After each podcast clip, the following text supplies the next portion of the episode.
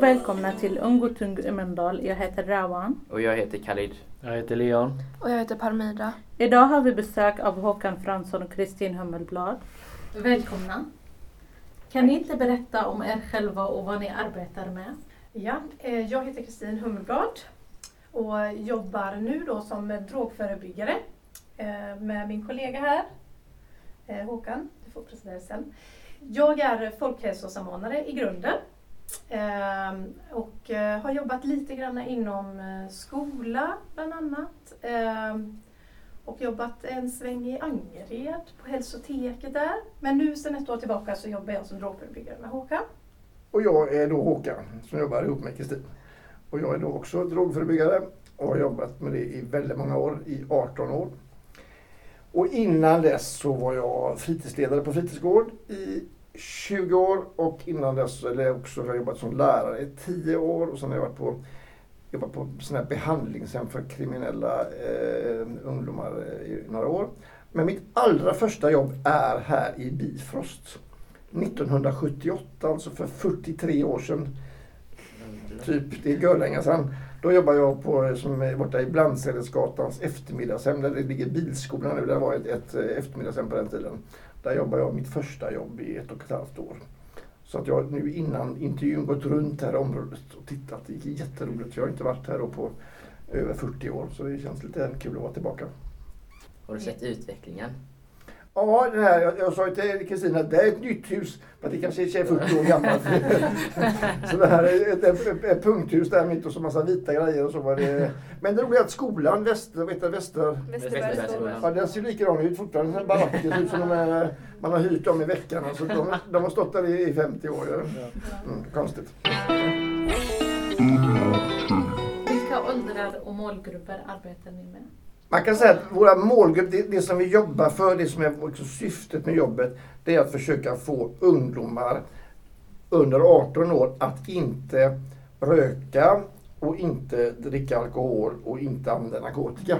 Så målgruppen är ju eh, att barn ska liksom inte drogas. Så, va? Men vi vänder oss framförallt till vuxna. Vi pratar mest med föräldrar och fritidsledare och hockeytränare och fotbollstränare och sådana som träffar ungdomar. Så att vi, vi jobbar kan man säga via ungdomarna istället. Vi pratar med ungdomar också. Vi är ute och träffar ungdomar och så på, i skolan. Och så. Men mest så försöker vi få vuxenvärlden då, alla vuxna som då eh, ja, håller på med eller träffar ungdomar att ha en nolltolerans. Att föräldrar framförallt och inte acceptera att barnen röker och dricker och knarkar och så. Så det är både ungdomar och vuxna ni jobbar med? Kan man säga. Yes. Eh, vad, går, vad går Uppgöra-metoden ut på? Ja, alltså, I stort så kan man säga att det handlar om att få alla överens. Precis som Håkan var lite inne på här. Vi vill att alla viktiga vuxna runt barn och unga eh, är överens om en nolltolerans. Eh, sen kan man väl säga också att vi informerar och vi stöttar och vi peppar och sådär och agerar bollplank och sådär. Så att, eh, men i stort sett så kan man säga att det går ut på att alla ska vara överens. Eh, så att vi jobbar mot samma mål kan man väl säga. Och för att komma dit då, för att, för att eh, liksom få alla vuxna överens, så jobbar vi framförallt med föräldramöten på högstadiet. Då, alltså kanske i sexan, sjuan, åttan, nian och ettan på gymnasiet. Då försöker vi varje termin att träffa alla föräldrar och som har barn på skolan och prata med dem om detta. Dels förklara för dem hur dumt det är att barn dricker och röker och knarkar, liksom vilka risker det är och hur liksom deras barn då kan råka illa ut. Och hur man kan göra som förälder för att inte barnen ska börja med, med droger och så. Så det är lite grann det som eh, vi gör mest. Sen är vi lite ute i, i föreningslivet också kan säga och pratar. Och där är det ju både vuxna och barn ibland också. Mm. Så lite olika ingångar kan man väl säga. Och då kan man säga att vi jobbar i flera olika kommuner och en av de den sista kommunerna vi har börjat jobba i nu är då Mölndals stad. Så nu ska vi, på tal om det du sa, ska vi till mm. Fässbergs IF här nu på söndag tror jag. Sen ska vi till Solängen här borta och, och, och äh, veckan därpå sen. Så då är det lite sån ja, föreningar också. Vi ska, då träffar vi både föräldrar och ungdomar och tränare. Men hur får ni tag på alla knapp, äh, jag menar eh, missbrukare? Du får vara knarkare, precis. Ja, nej, men det är bra att du säger det. Eh, alltså, eh, man kan säga så här, att jag tror att du tänker på detta att för de flesta som, jag är ju socialarbetare då, eller vi är socialarbetare, och de flesta som jobbar inom socialtjänsten sätt, va? De, de kanske fokuserar mycket på de som redan har bekymmer, som kanske eh, dricker eller röker eller, eller knarkar eller gör brott eller saker. Så man, man har mycket fokus på de som redan har bekymmer. Va? Vad vi gör, vi jobbar alltså inte alls med dem egentligen, utan vi jobbar förebyggande. Vi, vårt arbete är för att försöka få ungdomar att inte börja göra brott inte börja dricka, inte börja knarka. Så vi, vi är inte liksom behandlare så som försöker att, att eh, få den som har, har missbruksproblem att sluta. Det är många andra som gör det, det vet ni om. Det finns mm. jättemånga som jobbar med behandling och myndighetsutövning och så på socialtjänsten. Så, va? Men, men, eh, och vi har ju kontakt med dem. Men Kristin och jag är inte, jobbar inte med de som redan har bekymmer utan vi jobbar med det man kallar prevention och det förebyggande arbete för att få försöka få ungdomar att inte någonsin komma dit att man blir missbrukare på något sätt eller får bli beroende. Eh, hur kommer det sig att det heter Öckerö-metoden? Mm. Det är inte min idé utan det var så här att, att vi började jobba och kalla metoden för Alla överens. Det var det namnet vi hade på Öckerö. För jag, jag jobbade först i Öckerö kommun som, som ligger då kanske för den som inte vet det så är det alltså Göteborgs norra skärgård. En egen kommun utanför Hisingen då. Eh, tio, ö, tio bebodda öar ute, ute i havet där. Eh, och där drack ungdomar jättemycket för 20 år sedan, kanske mest i hela Sverige. Det var jättemycket problem med, med alkohol och, och ja, bråk och ni vet som det kan bli när folk dricker. Och eh, då började vi jobba där på detta sättet som jag berättade med att få vuxenvärlden, föräldrarna överens. Så vi kallade det för alla överens. Sen när andra kommuner sa oj vad bra, vi vill göra likadant så blir det att andra kallar det för Öckerö-metoden. Så det är inte, inte våran idé utan det har blivit när man Ja men det var så man gör på Öckerö, har du hört. Det är, det är som man gör på Öckerö och så blir det Öckerö-metoden. Mm. Och vad fick er att vilja arbeta med just det här? Det är en bra fråga. Om jag får svara först får du svara sen. Eh, det är många som frågar det och väldigt många som frågar mig, eftersom jag har jobbat då ganska i väldigt många år med detta, så tänker man hur... Och antingen tror de att jag själv har varit missbrukare, liksom att, jag, att jag själv har varit knarkare eller så, så att jag liksom ska på något sätt liksom vill betala tillbaka. Eller att jag vill liksom så. Det är ganska vanligt att folk som jobbar som vi kanske har en egen bakgrund i missbruket så som man liksom vill på något sätt eh, ja, payback på något sätt. Så, va? Men för min del var det bara så att jag började jobba på fritidsgård när jag var ganska ung. Jag var bara 21 år någonting som jag fick jobb på fritidsgård. Och detta är då i början på 80-talet och då jobbar fritidsgården väldigt mycket drogförebyggande. Man ordnade drogfria diskotek och man gjorde saker för att få ungdomar att inte, istället för att dricka, så gjorde vi försöka roliga saker på fritidsgården för att de skulle undvika det. Och sen blev det, eh, ja, det bara, bara blev så. Och sen så då när jag fick den här chansen att bli drogförebyggare, att kunna jobba då med både socialtjänsten och polisen och skolan och liksom vara liksom spindel i hela detta. Så var det ett jätteroligt jobb. Så, så det, det, det bara blev så. Mm. Det finns en gubbe som jag tycker väldigt mycket om som heter Dag Hammarskjöld som var FNs generalsekreterare. En av de mest kända svenskarna i historien. Han har ett uttryck, han säger så här. Vägen valde dig. Mm. Ibland tänker man att vi väljer vilken skola man ska gå, vilken, eh, alltså man väljer livet. Men han sa att ibland är det så att vägen väljer dig själv. Att du får en väg och så är det bara till att köra den. Och för mig blev det så. Jag bara ramlade in på gården där så, och så sa de gubbar, ja jag kan jobba här. Så. Och sen så har jag märkt nu, och nu är jag ju då 61 år och ska gå i pension om några år. Va? Och det är liksom bara som att det, det är liksom att det är bara som någon har, här får du en väg, varsågod, tack så mycket. Så jag bara just do it. Så att det, det är lite konstigt, jag kan undra det själv vad det kom sig. För att jag, jag liksom, det har bara blivit så men det har blivit väldigt roligt. Det är väldigt skoj. Varför har du, jobbar du med detta? För? Ja, varför jobbar jag med det? Um, alltså jag har ju um, ett intresse för hälsa såklart. Uh, sådär. Men den positionen som man har som uh, folkhälsosamordnare eller hälsosamordnare är ju mera kanske att man sitter mer på en strategisk nivå så att man samlar ihop sig, man ser behoven och sen så är, initierar man eller startar insatser och sen är det liksom andra kanske som gör de här insatserna. Man är inte så mycket delaktig själv. Så det är liksom inte så mycket på individnivå. Um, och sen när jag jobbat lite inom skolan så tycker jag att det är både viktigt och bra att jobba med barn och unga och det här med familjer och så här som jag tycker är viktigt. Och så sen så fick jag eh, ny som Håkan. Vi fick lite kontakt och sådär och pratade och fick höra lite på hur han jobbade. Och då tyckte jag att det här låter ju jättespännande. Både att man liksom jobbar med familjer och man jobbar lite med anknytning och man jobbar liksom med gränssättning. Visst, och lite kunskapsspridning och också att man får vara med hela vägen själv. Jag är ute och pratar och jag får se liksom vad det bär. Eh, och det tyckte jag lät jättespännande. Och sen så är Håkan är ju driftig och kunnig så det är ju jätteroligt att få jobba med honom. Så att, eh, för mig har det mer varit på, på den vägen. Hur såg er utbildning ut liksom för detta jobbet? Det är en bra fråga, för det finns ingen drogförebyggarutbildning i Sverige. Det är väldigt dumt.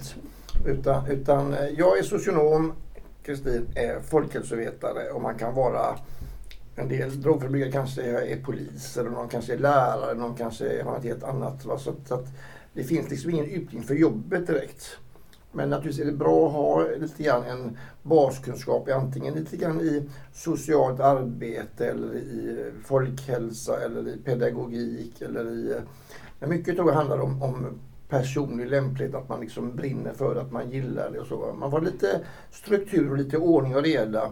Och sen så kan man säga att, att detta med, alltså så vi jobbar nu med, med droger och så, så det är ju bra att få lite kunskap om hur, hur det funkar detta med alkohol, narkotika och beroende, hur hjärnan fungerar och så. Men, men du har ju lärt dig jättemycket detta året. Mm. Så jag var inte i Håkansskolan. så man, man måste liksom, eh, men det finns tyvärr ja. ingen, ingen eh, en, ingen sån här färdig drogförebyggarutbildning utan, utan alla vi som jobbar med detta på olika sätt eh, kom, har olika bakgrund och så får man ju Man lär sig ju mycket när man är i de här nätverken av de som har jobbat länge och sen jobbar ju alla på lite olika sätt. Så jag tror att man, man plockar lite det som man ser liksom fungerar. Eh, och det som man tycker så här, men så, det låter bra, det, det vill jag testa, det passar mig. Liksom så. Men man ska nog vara öppen och nyfiken. Det, det tror jag är, det är viktigt. Och sen kan man säga också, du frågade förut om öckermetoden. Alltså det är ju inte så att, att jag sitter vid mitt skrivbord, nu ska jag göra en metod som verkar säker. Utan jag gjorde som alla andra. Jag, jag hade lite föreläsningar och lite kurser och pratade lite grann och gjorde så här. Och så märkte man då att det var väldigt bra. Det här funkade, det gav effekt. Men det här var, det var inte så bra. Det slutade jag med. Så gör man mer av det som är bra och mindre av det som är dåligt för oss. Och så blir det ju att det blir på något sätt man skruvar på det eller man liksom gör det bättre och bättre förhoppningsvis. Så. Så att även om, vi, även om vi har en metod nu så är inte den färdig. Utan eh, vi pratar ju varje senaste hela förmiddagen idag mm. så pratar om att man gör så här istället. Vi kanske ska göra mer på detta sätt. Vi kanske ska göra så här också. Eller, så att, eh, det, det, är väldigt roligt att ha ett jobb som, där vi själva skapar det. Gå in som ni tänker, man börjar på ett jobb och säger gör detta. Gör det, skruva den skruven så 18 gånger på Volvo här så liksom, du, du inte får bestämma själv. Detta är ju roligt att vi, mm. att vi har sånt. Det finns ju ingen färdig manual direkt utan det är liksom... Väldigt stor frihet. Ja. Hur kommer det sig att uh, unga hamnar i missbruk? Alltså finner ni något mönster när det kommer till det? Vilken bra fråga. Mm. Vad tror du själv? Jag vet inte. uh, det finns ju jättemånga skäl. Uh, om man säger så här, för att du säger, börjar med, du sa hur man hamnar i missbruk. Ja. ja. man kan säga att missbruk, det, är ett sånt ord man tänker liksom att då är det inte bara att man använder en sak. Om man säger att en, en, en 15-åring dricker en öl så kallar man inte det för missbruk utan det är bara att man med, Man kan säga så här att man har um, olika, man kan säga att obruk det är när man inte använder någonting, när man är nykterist. Det är obruk, man använder inte alls. Va? Sen är det bruk, om man säger så. Då dricker man liksom och det är inga större bekymmer med det. Så, va? Och sen kan man säga här borta har man då missbruk, eller, eller mest pratar man om beroende nu för tiden. Va? Och mellan, kan man säga, mellan bruk och missbruk så finns det något som man kallar för riskbruk. Speciellt med alkohol pratar man det. Va? Att man kanske inte är man kanske inte är beroende, så man, man, man kan sluta men man, man är på väg in i ett missbruk om man säger så. Men om vi tar din fråga med ungdomar så kan man säga att, att en fråga är varför börjar ungdomar dricka överhuvudtaget? Varför börjar ungdomar röka Marlboro eller cigaretter, så här, tobak? Varför börjar man dricka alkohol? Varför börjar man röka hash eller varför tror man andra saker? Va? Eh, och det finns ju det finns många skäl först att inte dricka. Är med? Det finns varför, varför, de flesta ungdomar dricker ju inte och röker inte och knarkar inte. Va? Varför gör de inte det? Jo, för att det är farligt. Alltså, det som är, man kan säga så här också, om man ska gå till grundkurs, va? att det man pratar om droger. För oss som jobbar med detta så är ju tobak en drog, alkohol en drog och narkotika är en massa olika droger. Ofta så säger folk alkohol och droger och då menar man narkotika när man säger droger. Va? Men för oss som jobbar med det så är alkohol och tobak två droger. Och det är de drogerna som dödar mest svenskar om man säger så. Eller även i världen. Va? Även om narkotika är jättefarligt på sätt så är det ganska få som använder narkotika typ i Sverige. Va? Men däremot är det jättemånga som dricker alkohol och det är ganska många som röker, även om det har minskat mycket nu. Va? Så att det kanske är 8000 människor som dör av tobaksrökning varje år i Sverige. Va? Och kanske nästan lika många som dör av alkohol, både då av sjukdomar och leversjukdomar men också av våld och sånt som hänger ihop med att man gör dumma saker. Man kör kanske bil när man är full och kör ihjäl sig. Så, så, att, så, att, så att alkohol och tobak dödar ju många fler än narkotika, om man säger så i Sverige. Va? Men det är en bra fråga. Det, man kan undra sig, var börjar man, varför börjar man? Och det kan vara grupptryck, att man är med i ett gäng och alla andra dricker. Och, och ska du vara med eller kom igen ta en, en öl nu så att, att man liksom blir, ni vet, man pressar varandra så kanske. Va? Och det grupptrycket finns ju även med vuxna. Med de här era eh, handledare och andra lärare och sådana som är vuxna människor ska gå på fest. Så är det likadant där. Ja, kom igen, ska du dricka eller vad är det med dig? Ta, alltså det blir en, en, i olika sammanhang alltså en press man ska göra som alla andra för att man ska få vara med. Va? Så jag tycker ungdomar idag är bättre. Ungdomar idag, ofta så eh, är man mycket mer tolerant än vuxna. Eh, men ungdomar, att det är okej, okay, drick om ni vill men jag gör inte det. Va? Det, är liksom, det är liksom, tycker jag är mycket mer tillåtande. Så. Så det är första, varför man börjar, det är en sak, det kan man fundera på. Nästa är ju då varför man blir missbrukare, varför man fastnar i det. Och det gör ju inte alla utan många då kanske testar ett tag, tycker det var kul eller inte kul och så slutar man. Va? Men beroende lite grann på hur drogen ser ut så vissa droger fastnar man ju väldigt fort i. Alltså eh, nikotin exempelvis som är vanliga tobakscigaretter. Det krävs ju inte många cigaretter för en ungdom som ni. ni är ju ändå, även om ni tycker att ni är vuxna nu, att ni har fyllt 18 så säger ju läkarna att hjärnan, den här frontalloben, den här främre delen här, är ju inte färdig för man är 25. Så läkare tycker inte att ni ska dricka alkohol eller röka någonting sånt förrän ni fyller 25 åtminstone för att kroppen inte är färdigväxt. Och är man under 25 så är, går det ännu fortare. Det krävs ju inte många paket. Eller snus som vi ser snus, nu. Yes, snus. Jättebra. Det går snabbt. Ja, både snus och, och alltså all tobak eller nikotin då alltså är ju väldigt snabbt beroendeframkallande. Att, att man, man behöver inte röka så väldigt många cigaretter innan man känner att man har någon sorts sug, man vill ha en till. Så, va? Det vet om ni känner kanske av, om ni är föräldrar eller, eller andra vuxna som, som röker att de tycker, vill sluta men har jättesvårt och kanske försöker och så börjar man igen och så. Va? Och andra droger kanske tar längre tid men, men, men alla droger har ju en, en potential eller en möjlighet att man fastnar i det. Och då sa man missbruk mycket förut. Va? Man kan säga eh, idag använder man inte det ordet så mycket för man tycker kanske det är lite negativt och lite ja, så därför pratar man mer om beroende idag än, än missbruk. Men, men ni, ni, förstår vad jag menar, alltså att man inte kan sluta, man har svårt att sluta. Och sen kan vi säga också att olika människor är olika benägna att fastna i ett beroende. En del kanske kan hålla på jättelänge och en del mm. kanske bara några gånger, det vet man inte. Mm. Och det vet man inte heller förrän man är där. Mm.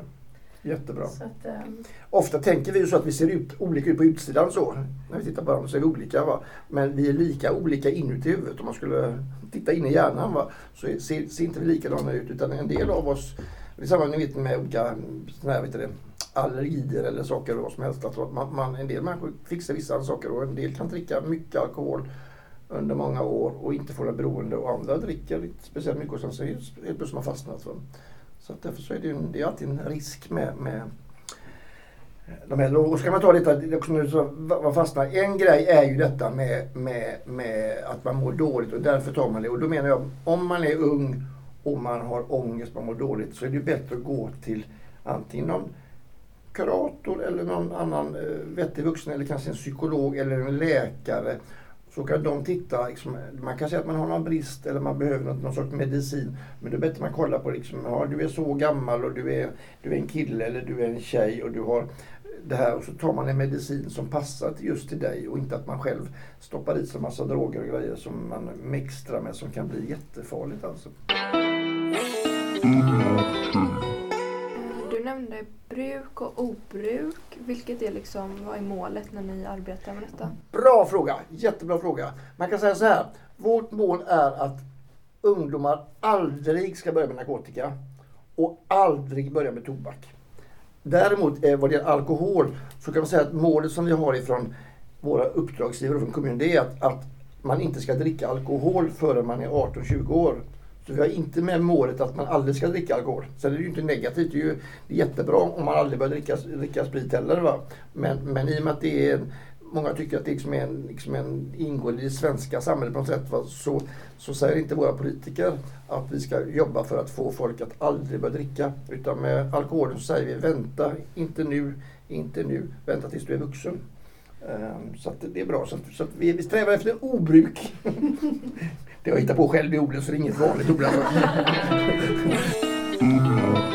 Eh, vilken typ eller typer av droger är vanligast ni stöter på i ett arbete? Alltså, Alkohol. Mm. men, alltså då menar jag narkotika. Narkotika, ja. Då är det cannabis. Ja, det är bra. Ja, Precis. Alltså, det, det, det, alkohol är vanligast tänker jag och, och, och sen vanlig tobak då om man säger så. va. Sen är, om vi pratar om narkotika då så, så är ju cannabis då i olika former, alltså hasch och marijuana är ju klart vanligast. Alltså det är både att vi stöter på det och talas om det eh, men också att det är ju enligt alla, alla undersökningar man gör och så. så att, eh, om man tänker i eran ålder Eh, Om man skulle fråga ungdomar som är 18-19 år, säger vi, eh, de som då använder, så kanske det är 90 procent av de som använder någon som narkotika. De flesta använder inte alls. Men de som använder, om man säger så här, här har vi 100 ungdomar. Ja. Här är 100 ungdomar säger vi. Så 10 stycken av dem säger vi, er ålder har provat narkotika. Så kanske det är 9 av de 10 som är cannabis och en är något annat. Amfetamin eller kokain eller eh, något annat så. Så att, ehm, och jag tror att det är olika områden men, men vad det gäller cannabis så är det kanske lika mycket hasch som marijuana. En del grupper så är det bara maja då och weed och så. Och i andra så är det mer hasch. va. Det är lite olika men det är cannabis som är drogen om man säger så. Men har du alltid varit cannabis eller har det varit koks någon, alltså 80-talet? Eh, Aldrig varit, alltså det, om, du- tänker på den här jetset mer, alltså rika människor på Avenyn eller på någon sån här nattklubb. Där är ju kokain, eh, ni vet den här liksom rikemansdrogen så. Men bland ungdomar, om säger eran ålder, eller ännu yngre då på högstadiet. Mm. Så har jag aldrig... eh, Och om du tar kokain så var det ju så svindyrt alltså. Det kostar ju tusentals kronor för ett- gram förut. va. Så att det, det, jag, menar, jag, växte, jag växte upp här i Göteborg då på 70-talet. Va? Liksom, det hörde man aldrig talas om alltså. Utan även då så var det ju ehm, var det ju bara egentligen så. Sen, sen amfetamin kom ju ganska tidigt i Sverige som tabletter, alltså mer, mer liksom eh, folk som jazz, jazzmusiker från USA som tog det för att hålla sig vakna på natten. Och så när de spelade i natten så tog de tabletter amfetamin och så. Eh, Men, men eh, annars var det ju hasch som var stora där på 70-talet ihop med den, ni vet, kanske ta som Flower Power och Woodstock och det här liksom, hi- hippievågen där i USA på Mm. Vietnamkriget på 60-70-talet. Va? Så att det, var, kom ju då som en stor våg till Sverige eh, när jag var barn. Då, alltså. eh, så att, och fortfarande om man tittar på statistik så då, början på 70-talet, då var det ju mest, så, mycket, så många ungdomar som använde hasch har det inte varit någonsin sedan dess. Så det var mycket mer då än vad det är idag. Även om vi tycker att knarket ökar igen. Sen kan det väl komma små utbrott om man tänker som GHB Ja. eller tramadol eller sådär. Men Ja. det är ändå precis. cannabis ändå som... Ja. Jag är lite nyfiken eh, om, om ni, någon av er två hade sett en ungdom ta röka cannabis Mm. alltså, eller ta droger på stan eller Mm. något. Hade ni agerat eller hur hade ni gjort? Jättebra fråga. Ehm, och då kan man tänka två sätt. Det ena är vad gör jag i jobbet och vad gör jag som privatperson eller människa. Så, va? Ehm, det är en jättebra fråga. Alltså, och det beror tänker jag på många, många olika saker. Alltså. Man kan ju alltid tipsa polisen eh, på 114 14 om man Yes. ser någonting. Eh, det är ju en väg att gå. Mm, mm. Eh, sen kan man ju kanske försöka gå och prata med personen i fråga. Det handlar också om om det är någon man känner inte. Va? Ja, om, man, om man är ute och går på bara Avenyn så ser man att de sitter och, och, och röker på. Va? Liksom det, Ja. det skulle kännas konstigt även om jag jobbar med det. Att, att liksom varken gå fram och säga att sluta med det, lägg av med det, det är farligt. eh, Så, va? eh, eller så. Va? Um, I och med att det är kriminellt. Jag tycker det är, alltså där, där, jag vet inte hur mycket ni kan om detta och hur mycket ni vet eller tycker om detta. Men, men alltså, man kan tycka att det med polisen att det är olagligt, att det är, liksom, det är problematiskt. Va? Men det polisen gör om man skulle tänka sig minderårig, en 15-åring sitter och röker sig på Avenyn. Va? så skulle polisen eh, ta med dem till föräldrarna och sen så blir det en socialtjänstanmälan. Va? Och då innebär det att, att någon på socialtjänsten får ett, ett, eh, reda på detta och så, och så ringer man till föräldrarna, skickar brev till föräldrarna att nu har den här killen rökt hasch liksom, och, och, eh, och så gör man en liten utredning och märker man då att föräldrarna har kapacitet att ta tag i detta och de verkar eh, bra och så, så blir det liksom inget mer. Det kanske blir böter möjligtvis om man fyller 15 då, va? men det blir liksom inget mer av det. Va? Men eh, väldigt många som vi sett alltså när, när eh, Alltså det är föräldrar som har barn som kanske inte bara röker en gång utan som är i ett grovt missbruk, alltså mår jättedåligt och är jätteallvarligt sjuka, många olika droger så kanske man går på socialtjänsten och socialtjänsten har inte tid, de har fullt upp och så. Inte förrän polisen griper dem som händer någonting på riktigt om man säger så. Så att jag kan tänka mig att man är, nu vet inte jag vad ni tycker, ni behöver inte säga vad ni tycker heller, men, men jag kan tänka mig att man kan tycka att med polisen är ganska taskigt när de kommer där och ska jaga en och så. Men, men, men ofta är det att, att ungdomar får, alltså det är så de får hjälp. Alltså, tack vare att polisen ser dem och polisen är ganska duktiga på att liksom, eh, för att annars om, vi, om, vi, om jag träffar någon och säger att du får inte lov att röka, lägg av med det. Så säger skit du i det, säger du till mig. Va? Och sen så, så, så är det, jag kan inte göra mer, va? men polisen säger vad heter du? Det säger jag inte. Ja, då får du gå med till polisstationen. Va? De har ju lite muskler om man säger så. Va? Så att därför, därför så kan man inte jiddra så mycket med, med polisen utan, utan där, där blir det lite, det händer någonting. Va? Både socialtjänsten och, och jag som privatperson har liksom inga, kan inte göra så mycket. Va? Men, men eh, sen handlar det om, tänker i ert läge, om, om du skulle se någon, va, så tänker jag, det handlar ju om, är det någon man känner, är det en bästa kompis som börjar med droger? Då får man fundera på vad kan, vad kan jag hjälpa till, hur kan jag få han att sluta med detta? Liksom, är det, jag pratar med honom först kanske och han säger, berätta om det. Ska jag ringa till hans föräldrar? Ska jag prata med läraren? Ska jag kolla med kuratorn på skolan? Eller vad ska, alltså, det är mer så. Och det handlar om vilken relation man har såklart. Va? Men det jag kan säga, tänker jag, i, när jag pratar med er yngre, att Ofta så tänker man när man är kanske 18 år att man kan inte göra så mycket åt samhället och att man är ganska maktlös som en ung människa. Men där kan ju ni göra jättemycket. Alltså ert föredöme att ni säger jag, jag använder inte droger, jag tycker det är kast och man, man liksom pratar med sina kompisar kan ju betyda jättemycket för omgivningen. Alltså det, alltså era röster är ju ofta viktigare än vad vi gamlingar säger och så. Liksom.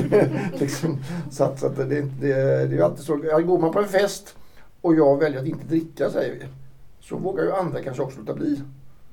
Men dricker jag och dricker mycket liksom och så, va, då kanske jag får de andra att dricka också mer. Va? Så det är ju alltid så. Det gäller ju både ungdomar och även vuxna såklart. Att, att, uh, hur jag själv beter mig. Det gäller ju allting. Det är ju samma med mobbing. Någon i skolan är taskig och liksom retar någon och uh, håller jag med eller står och skrattar så fortsätter det. Men säger jag slutar, vad, vad säger ni så? För lägga av med det. Då kanske jag kan hjälpa den här människan som är mobbad. Och så. Ja, hur eh, trivs ni med ert yrke? Jättebra! vi har världens roligaste jobb. Vi skrattar hela dagarna och så gör vi jättemycket nytta. Det, ehm, alltså det finns en, en, en, en amerikansk psykolog som heter Daniel H. Pink som har skrivit en bok som heter Drive som handlar om drivkrafter och motivation. Vad är det som gör att ditt jobb är roligt? Och att det är bra det jag säger nu så kan ni tänka på det sen i livet. Va? För er också. Eh, det är tre saker som behövs. Va? Alltså, om, om folk har jättetaskigt ställt, inga pengar och ingen mat i magen och inget tak över huvudet, va? då kan man betala pengar och ju mer man betalar ju mer bättre jobbar de. Va? Men när man har kommit över det, när man har ändå så man har kläder på kroppen och mat så då är det inte det som motiverar. Och det är tre saker. Det första är att man kan bli bättre på det man gör. Att man kan bli bättre och bättre. Att vi kan bli bättre drogförebyggare, lära oss nya saker. Och det är roligt. Det andra är att man har lite frihet. Att man inte någon bestämmer precis hur ska göra det och det. Man kan, liksom, man kan åka till Mölndal och vara med på en podd om man har lust med det. Man behöver inte ens fråga chefen utan man gör det om det är kul. Va? Och det tredje det är ju att det man gör inte bara gör mig själv lycklig utan andra människor. Att det vi gör gör att färre ungdomar dricker och röker och knarkar och kanske förstör sina liv och så. Va?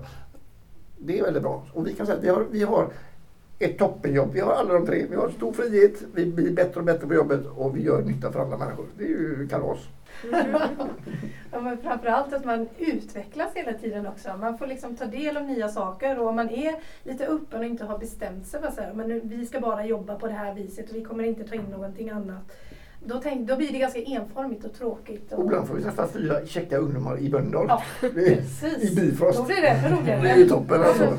Vi har ju sånt flyt i början. Så lär man sig nya saker ja. och så lägger man till det till det man kan och så skriver man ja, eh, kalas. Okej, okay det är dags att avsluta. Tack, tack så mycket för att ni ville komma hit. Tack.